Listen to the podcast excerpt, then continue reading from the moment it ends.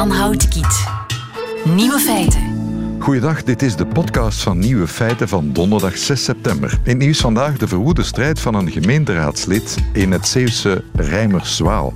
Hij voert strijd tegen, ik citeer, de multicultivisering van gemeentelijke verordeningen. De fractieleider van coalitiepartij Leefbaar Rijmerswaal zei tijdens de gemeenteraadszitting dat hij hooglijk verbaasd was en vroeg zich af of de verantwoordelijke ambtenaar bij het schrijven van een document over straatnaamgeving en nummering een glaasje te veel op had. Of de boel gewoon van Wikipedia had afgeschreven. Wat voegt dat Arabische geleuter toe aan de verordening? Niets dus, besloot hij. Voor alle duidelijkheid, met dat geleuter verwees het gemeenteraadslid naar de term Arabische cijfers. En Arabische cijfers, dat zijn gewoon die cijfers die wij elke dag weer gebruiken. De andere nieuwe feiten, Schild en Vrienden gaan globaal. We hebben sinds vandaag nog een UEFA-competitie. Twitter is niet leuk meer. En er is sprake van een paradigmaverschuiving bij de vrouwenbroek. Mag ik u daar veel plezier bij wensen. Nieuwe feiten. Schild en vrienden, dat uh, slepen we al sinds de pano van gisteravond mee. En we weten nu ook dat we het een rechtsradicale beweging moeten noemen. Ico goedemiddag. Goedemiddag. Rechtsradicaal, bent u het daarmee eens met die terminologie? Uh, daar, daar, daar kunnen we altijd over uh, discussiëren, maar dat ze uh, inderdaad aan de heel erg rechterzijde zitten, en daar is geen discussie over, denk ik. Ja. U heeft ons in een stuk dat u in Digit Magazine heeft gepubliceerd, ja, laten weten dat dit niet een alleenstaande fenomeen is, maar dat je dit in een breder verband moet zien. Het is met andere woorden een fenomeen dat veel groter is dan Vlaanderen. En dat lijkt een beetje in contradictie met de aard van de beweging. Ja, ja, en, en dat is iets dat je overal ziet ontstaan uh, in, in alle hoeken, uh, zeker van de westerse wereld, is dat allerhande rechtsradicale nationalistische bewegingen, uh, en, en dan nog van de meest radicale soort, die heel vaak vanuit een bloed- en bodemnationalisme vertrekken, dat die elkaar vinden op een pan-Europese schaal en zelfs eigenlijk op, op een echt globale schaal. Dus er zijn heel duidelijke linken te zien tussen een schild en vrienden enerzijds en bijvoorbeeld een identitair in Frankrijk, de mhm. identitaire beweging in Duitsland, Oostenrijk en zo verder. En ze, ze uh, steunen elkaar ook in het activisme, in het opleiden en in het structureren van uh, die organisaties. Ja. En u heeft dat ook gemeten. Ja, u bent niet voor niets een wetenschapper. U doseert uh, nieuwe media en politiek aan de Universiteit van Tilburg. De, in uw stuk staan er ook een aantal grafieken die duidelijk maken dat die posts van bijvoorbeeld de Gravensteengroep of van andere groepen, dat die veel meer, meer En dat is eigen natuurlijk aan nieuwe media een veel ruimer bereik hebben dan alleen maar Vlaanderen. Hè? Mhm. Ja, en dat is heel interessant natuurlijk. Men, men, je, ziet dat Dries van Langen over die beweging heel lang gepositioneerd heeft als de stem van uh, de Vlaamse generatie, uh, van een nieuwe generatie, een discours die ook van generation identitair komt. Uh, en wat je ziet is dat men heel goed is in het gebruik van sociale media. en dat men de, de algoritmes van die sociale media zo bespeelt dat men een ruim publiek um, kan bereiken. En dus het opvallende is natuurlijk dat uh, de eerste dag, uh, als ze die Gravensteenactie, uh, dat filmpje daarvan posten op Facebook, dat we zien dat die eerste dag onge maar ongeveer 50% van de shares van dat filmpje uit België komen. Mm -hmm. en dat we vanaf dan elke grafiek zien die enorm doet denken wat we in de academia superdiversiteit noemen. Mensen uit alle uithoeken van de wereld, van Zuid-Afrika over Canada, Frankrijk, de UK, de Verenigde Staten, delen dat filmpje. Ja. En dan krijg je natuurlijk rare situaties waarin mensen internationaal iets gaan delen waarvan ze zelf eigenlijk niet weten wat erin staat. Zo uh, een, een, artikel van u dat werd gepost, dat werd dan ook gedeeld door mensen die van een heel andere overtuiging waren. Ja, dus dat is interessant. Hè. Je ziet uh, nu enerzijds zie je dat uh, een schild en vrienden generatie identitair heel specifiek mikken op dat internationaal publiek. Dus dat filmpje was meteen Engels ondertiteld, had een Engelse titel uh, en zo verder. Ja. dus was meteen gericht op uptake. Maar je ziet ook bijvoorbeeld op het moment, ze waren ooit naar een lezing komen kijken over het fenomeen van nieuw rechts dat ik gaf. men stuurt dan een tweet in de wereld in, in het Nederlands. Dat wordt opgepikt door onder andere Thierry Baudet. Maar uiteindelijk belandt dat en wordt wordt dat geretweet door uh, Paul Nelen, een alt-right kandidaat binnen de Republikeinse Partij. Mhm. en uiteraard begrijpt hij absoluut niet waar dat over gaat. Hè. Dat is een tweet in het Nederlands. Maar je ziet dus dat er een soort engagement is in een politiek-ideologische strijd die de grenzen ver overstijgt en dat men eigenlijk blind op elkaar vertrouwt. Als we dit nu, eh, en ik weet het is moeilijk, uh, Ekomali, maar als we nu de, de ideologie van dat globaal nieuw rechts in één slagzin zouden proberen te vatten, of in één zin tenminste, waarvoor staan ze precies? Uh, ik zou dat... Identiteit, dat is het ja, het is identiteit, maar eigenlijk is een veel oudere traditie. De mosterd komt bij denkers als Sorel, Schmidt en zo verder, wat we kennen als uh, de conservatieve revolutionaire periode in de anti-verlichtingstraditie. Dus eigenlijk een beweging die bloed- en bodemnationalisme centraal stelt en die eigenlijk heel sterk gaat gericht zijn op het creëren van een homogene natie, op anti-migratie, maar ook op bijvoorbeeld de familie, de traditionele familie met de traditionele rolpatronen als de hoeksteen van die gezonde natie. Hmm. Eh, dus ja, een radicale stroom. Ik lees in uw stuk, u heeft gisteren de Schild en Vrienden reportage gezien. Die heeft vandaag alvast voor eh, veel media-aandacht gezorgd. U zegt, ik hoop dat dat ook uh, tot actie aanzet. Maar wat doe je in godsnaam tegen grote spelers als Facebook, als Twitter? Ja, ik denk het algemene, dat, de, of de algemene inzicht dat we moeten uh, beginnen beseffen, en dat vooral politici moeten beseffen, uh, zowel in eigen land als op uh, hogere schaal zoals Europa, is dat het internet een zeer, reëel onderdeel is van onze wereld. En dat dus ook de rechtsstaat ja. daar moet gelden. En we zien eigenlijk dat in de laatste tien jaar dat eigenlijk een braakliggend terrein is. En dat de regulering van um, dat um, die publieke ruimte, dat die ofwel niet gebeurt, of dat die gebeurt door commerciële spelers. En dus je ziet dan dat die commerciële spelers uh, de plaats gaan innemen van uh, de rechtsstaat zelf. En, een, van de, dat dat ja. een van de essentiële kenmerken van het internet is natuurlijk dat dat een, een, een vrije uh, wereld is, een vrij forum is. Je kunt dus ook niet van Facebook of YouTube gaan verwachten dat zij eindredactie doen en berichten die iets te radicaal zijn er gaan afhalen. Dat zal nooit gebeuren, hè, meneer Mali. Maar het gebeurt. En dus je ziet dat Facebook in de laatste vijf jaar uh, daar heel sterk op inzet. Zowel algoritmes die geprogrammeerd worden ja. om uh, bepaalde haatdragende boodschappen te elimineren. Maar je ziet ook dat dat ja, soort slavenarbeid is, hè, waar ja. mensen niet anders doen dan allerlei klachten gaan behandelen en censureren. Maar de vraag is, is het dan een commercieel bedrijf om dat te gaan uh, organiseren? Want ja. uh, zolang dat dat bedrijf dat doet natuurlijk, krijg je uh, de rechtsstaat wordt eigenlijk geprivatiseerd op dat moment. En ik denk dat dat op lange termijn uh, een fundamenteel probleem is voor het democratisch debat. Het is niet aan uh, een commerciële actor om recht te spreken. Nog één ding, Ikomali, wat kunnen wij als individu nu doen om radicaal gedachtengoed, om het niet extreem te noemen,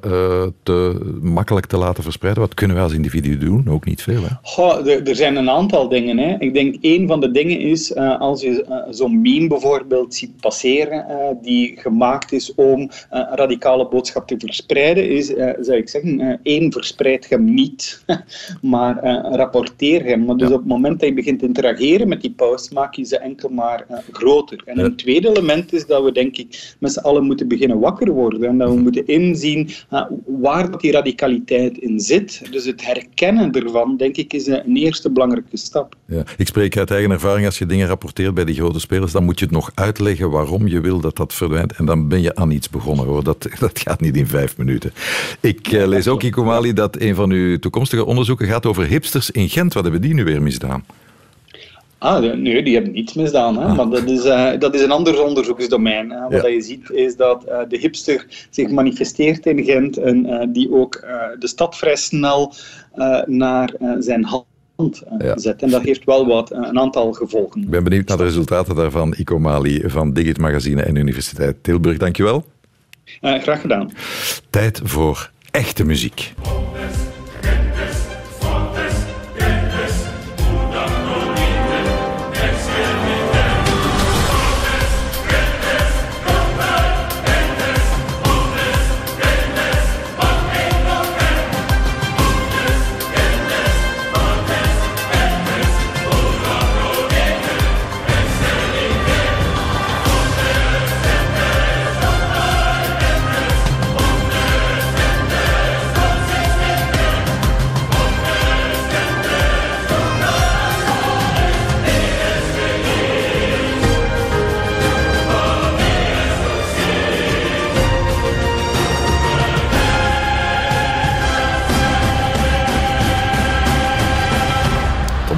Goedemiddag.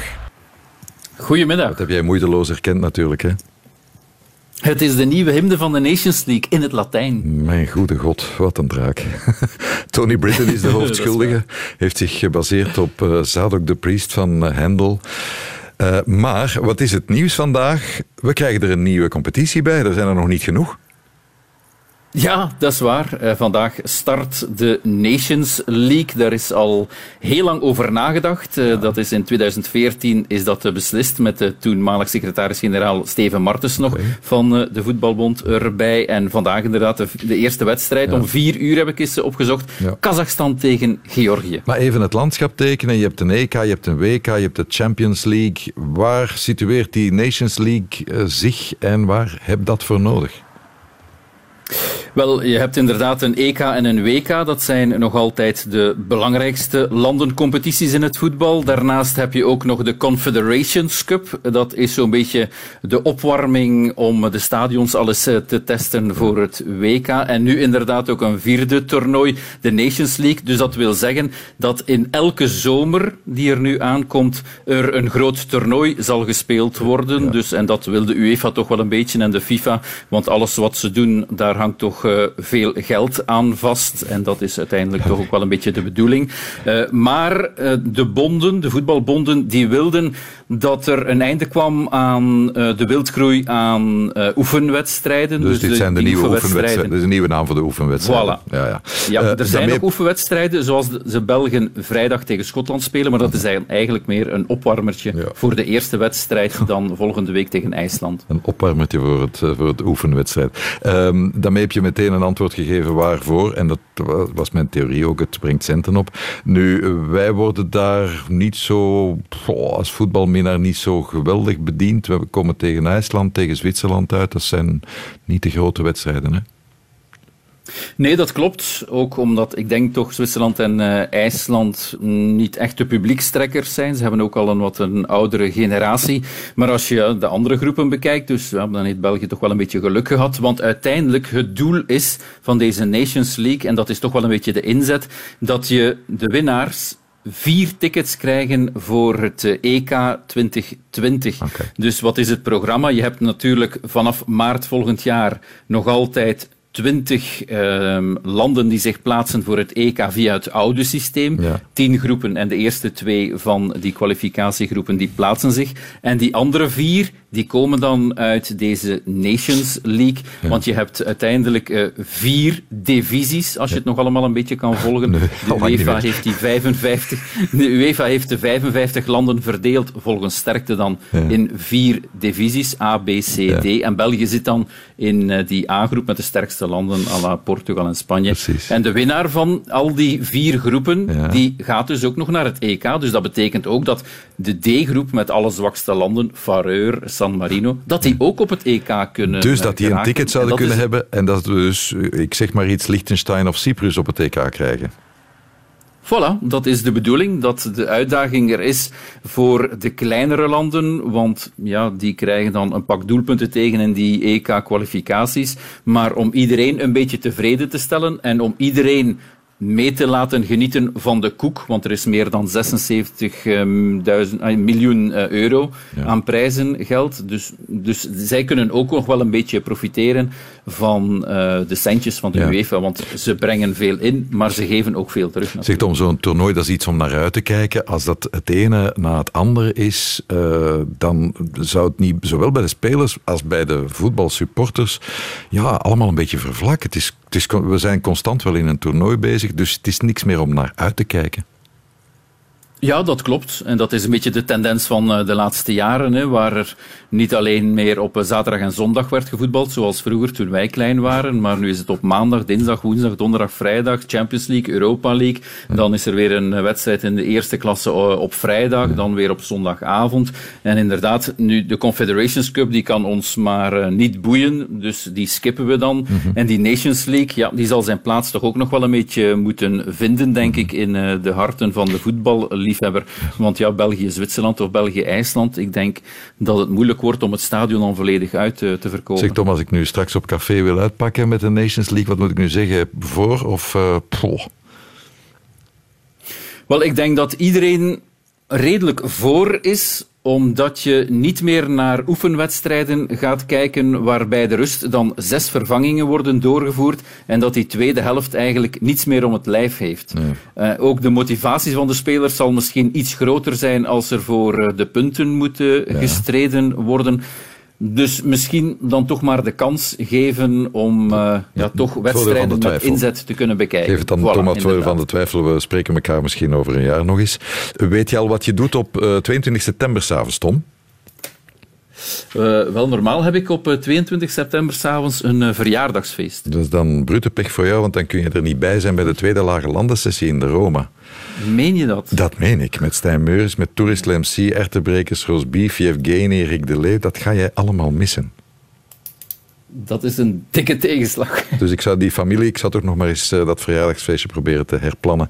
Wil u er ook bij zijn? Want dat gaat toch wel een bijzondere gebeurtenis zijn. 22 september, half negen in de Roma in Antwerpen. Radio1.be, daar kunt u alvast een zitje boeken. Tom Boudewil, dank je wel. Graag gedaan. Bla, bla, bla. Nieuwe feiten. Bla, bla, bla. Radio 1. Oh, wat zijn we heden blij, want we hebben er een nieuwe hashtag bij. En die hebben we te danken aan Stella Bergsma. Goedemiddag, mevrouw Bergsma. Goedemiddag, meneer. Meneer Jan, toch? Meneer Jan, mogen we, zullen we elkaar dan maar tutoyeren? Mag ik Stella zeggen? Zullen we dat doen? Dan mag u zullen Jan zeggen. u, okay. u heeft ons eh, de wereld verblijd met een nieuwe hashtag en u mag hem zelf onthullen. Ja, nee, het, dat is niet, dat is al niet waar. Oei. Want ik had verschillende hashtags. Oei. En uh, ook gestemd, met een poll gedaan op Twitter wat de mensen de mooiste hashtag vonden. En de mooiste vonden ze Change Twitter. Ja, de, maar dan zegt u toch gewoon Change Twitter? Jawel, maar dat is ik vind het niet. Ik vind niet dat ik een hashtag heb geïntroduceerd. U wil het niet op Andere uw konto mensen... schrijven. Nee, want, want ik zal je ook vertellen waarom niet. Omdat ik het een beetje moralistisch vind. Ja, want en dat eerste... zit niet in mijn aard. Precies, maar uw eerste probeersel, dat moet ik dan wel vertellen, was niet Change Twitter, maar Sloop Twitter. Maar Sloop Twitter. Voilà. En dat vond ik al leuker. Dat vond ik al geestiger. Ja. Zo van je, je sloopt Twitter als je ja. uh, het aardig bent tegen elkaar. Want Twitter is bijna gebaseerd, het verdienmodel is gebaseerd op geld verdienen aan mensen die elkaar afzeiken. Ja. het is in, in de tijd beperkte actie, want uw deadline is tegen 4 oktober. Wil u dat hele Twitter gezuiverd zien? Uh, ter, ja. terwijl ik hoor mezelf overigens in een echo terug, dus ik doe eventjes de telefoon ietsje van me af. Ja, dat is en goed. ik wou ook nog zeggen, was dat net Brihang op de radio? Ja, dat was Brihang. Ja, ben ik fan van. Kijk, maar dan moet u, uh, mevrouw Bergsma, moet u, zeg ik in de ja, koeien van let. Dan moet je op 22 september naar de Roma in Borgerhout komen, want Brihang speelt daar met vele anderen ten dans voor de tweede Lage Landen sessie. Afgesproken? Nou, dan doe ik dat toch. Dat maar lijkt me geweldig. Ik heb een keer samen met hem opgetreden in Brugge. Ik vind hem geweldig. Ik vind hem echt heel goed. Maar uh, Stella, we waren Twitter aan het opkuisen. En dat wil u doen, hoewel u zelf toch de reputatie heeft om, uh, mag ik het cliché gebruiken, geen blad voor de mond te nemen op Twitter. Nee, maar ik vind wel dat ik, ik neem geen blad voor de mond, maar ik ben eigenlijk nooit persoonlijk onaardig tegen mensen. Dat is eigenlijk een, een soort stelregel die ik mijn hele leven al bij me draag.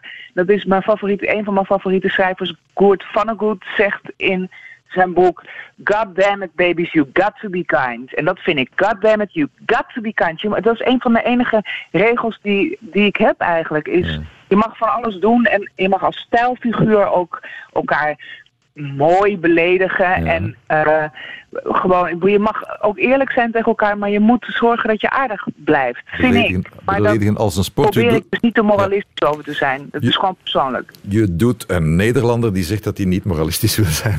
Nee, het was een grap, dat laatste.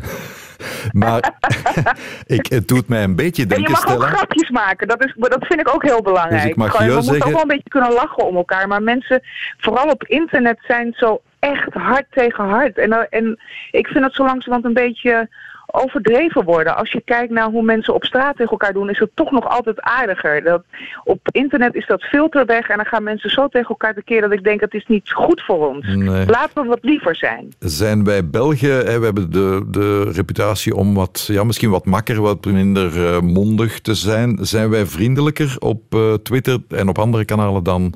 Ja, ik vind ja. jullie absoluut overal vriendelijker. Dat vind ik echt. Ik zou nog eerder zeggen van misschien moeten jullie nog een tandje erbovenop. En dat wij Nederlanders beginnen met vriendelijker zijn. En dat als jullie op dat punt zijn, dat jullie dan ook vriendelijk gaan dat zijn. Dat we het een beetje gaan nivelleren. Het doet mij een beetje denken aan van die, ja, toch lichtjes wollige acties als geef elkaar eens een complimentje. Ja, maar daarom. Ik wil helemaal niet wollig. Het was gewoon eigenlijk een eh, het was gewoon een persoonlijk voornemen. Ik wilde er een maand op letten. Ik ben vandaag alweer de fout in gegaan, want ik las een column die ik heel stom vond. En daar heb ik alweer wat over gezegd. Dus ik wilde er eigenlijk gewoon, het was eigenlijk persoonlijk. Alleen mensen gingen daar onmiddellijk in mee en wilden meedoen. Want ik heb het gevoel dat we allemaal een beetje snakken naar een beetje vriendelijkheid. Ja. Try a little tenderness. Och, als ik, die, ik heb een ander, uh, een ander liedje klaarstaan. En dat zal jou ook niet vreemd zijn stellen, want dat komt van jouw eigen band Einstein Barbie. Um, dus met andere woorden, clean die Twitter een beetje op, maar het mag wel scherp en het mag wel spits blijven. Het, want het moet een beetje plezierig blijven. Ook elkaar een beetje afzeiken is ook wel lekker, hè Stella? Ja, dat, maar als, als je dat maar gewoon met, met de kundigheid van taal doet. En niet dat je elkaar persoonlijk gaat beledigen. Het is zo, het is zo banaal en zo treurig. Het is ook echt zo, denk ik, dat als je iemand in de ogen kijkt, dat je die neiging niet hebt. Dan zie je de menselijkheid van andere mensen. Het, het, het heeft ook te maken met dat internet. En dat we, doordat we, dat er internet is, we hebben daar nog geen nieuwe modus voor gevonden. Mhm. Daar moeten we dan uh, werk van maken. Uh, Stella Bergsma, ik uh, ben heel blij dat ik jou mocht tutoyeren en dat humor ook mag.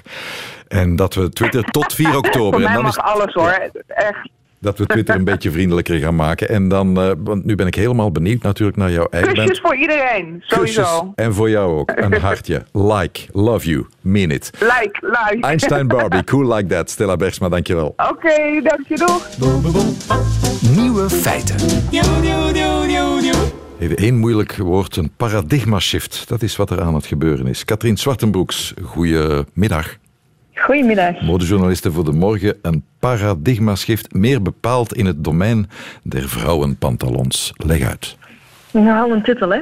Ehm, simpel gezegd wil het eigenlijk zeggen dat we ehm, aan het afstappen zijn van de traditionele pasvorm van de jeans zoals we die gewoon zijn de afgelopen tien jaar. Uh, de meeste mensen zullen een skinny jeans in de kast hebben. Oh, van, van die dingen waarvan je denkt, hoe heeft dat mens dat in godsnaam aangekregen? Laat staan, s'avonds Zeker bij mannen denk ik dat het soms nog wel wat oncomfortabel uh, moet gezeten hebben. dus dat, opgelucht ademhalen, letterlijk en figuurlijk denk ik dan.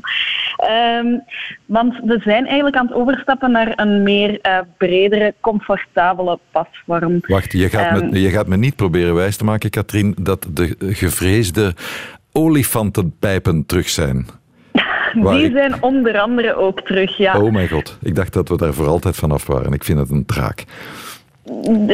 daar verschillen de meningen nogal over, maar de, de olifantenpijpen is, is meer wat we noemen een microtrend. Dus dat gaat na een, een jaartje of twee wel weer uit het straatbeeld verdwijnen, maar de meer rechtere pijpen, zoals de, de mom jeans eigenlijk, hè, de hoge taille en de, de met meer rechtere fitting, uh, ja, die gaan er toch wel uh, de komende tien jaar uh, in blijven zitten. Is dat ongeveer de curve van de modus in jeans, tien jaar?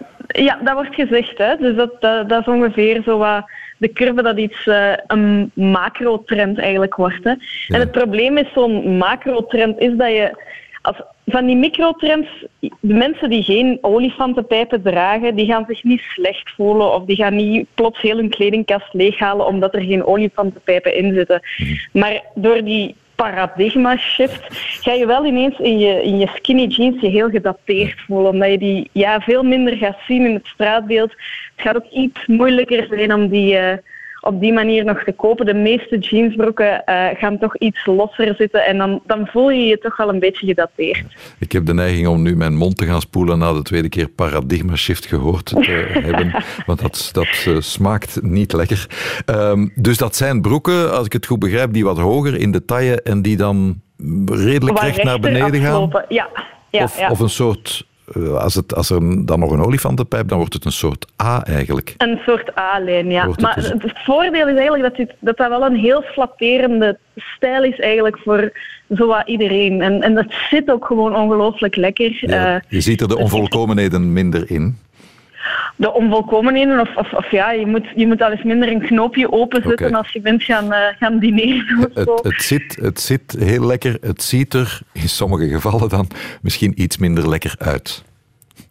Ja, kijk, ja, sorry, dat, is, uh, dat is een ander om, de oor, om te oordelen natuurlijk, denk ik. Maar ik, ik vind dat er eigenlijk wel heel tof uitzien. En, en ik denk ook, wanneer dat iemand zich goed voelt in zijn kleding, dat straal je natuurlijk ook wel uit. Dus, mag, ik, uh, mag ik er toch zeker van zijn dat dit zich alleen in de domein der vrouwenpantalons gaat afspelen en dat wij mannen ik gewoon blijven ervoor, dragen? Okay. Ja, maar, ik vrees ervoor. Ik maar ik denk mag... niet dat jij skinny jeans droeg, toch? Nee hoor, maar dat ik gewoon mijn broeken kan afdragen, dat ik niet nu naar de winkel... Want dat is natuurlijk wat er nu aan het gebeuren is. Hè. De vrouwen zijn en masse uh, naar de winkel aan het gaan.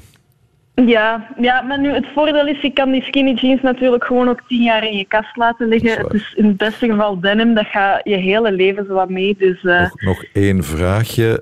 Wel, welke schoenen draag ik daarbij? Uh, of dragen vrouwen daarbij?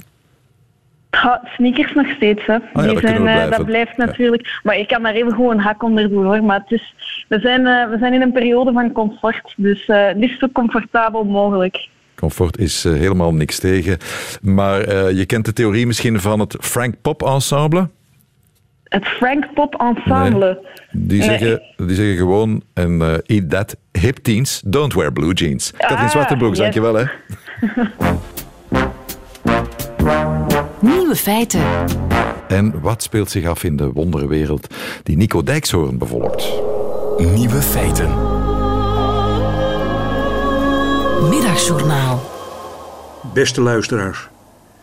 Het boek Mijn strijd van Adolf Hitler is weer te koop. En ik moest meteen aan Antwerpen denken.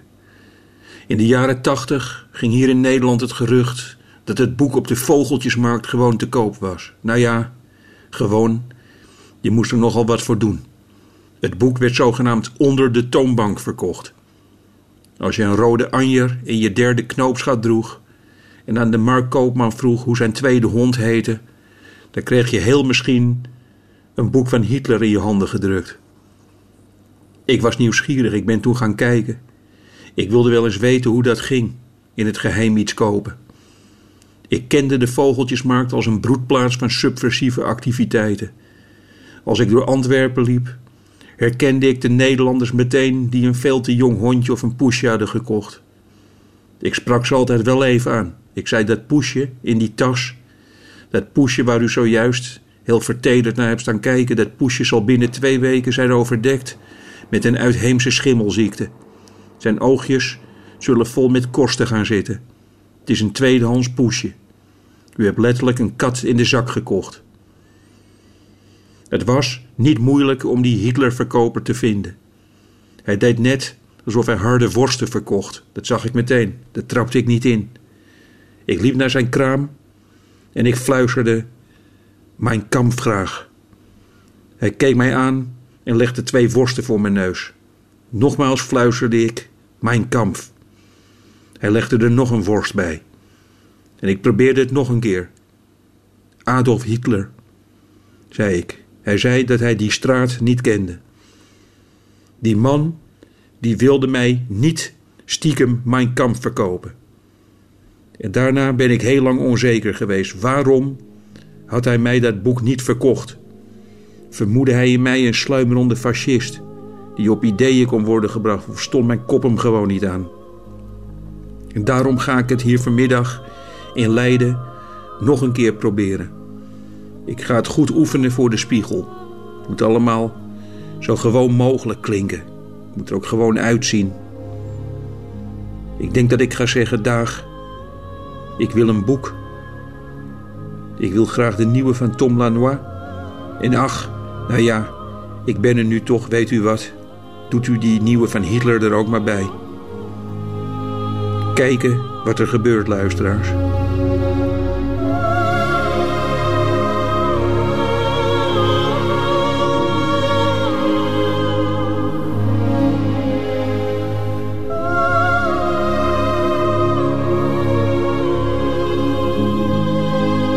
Nico Dijkshoorn, toch wat een merkwaardige planeet waar die op leeft. Dit was de podcast van Nieuwe Feiten van donderdag 6 september.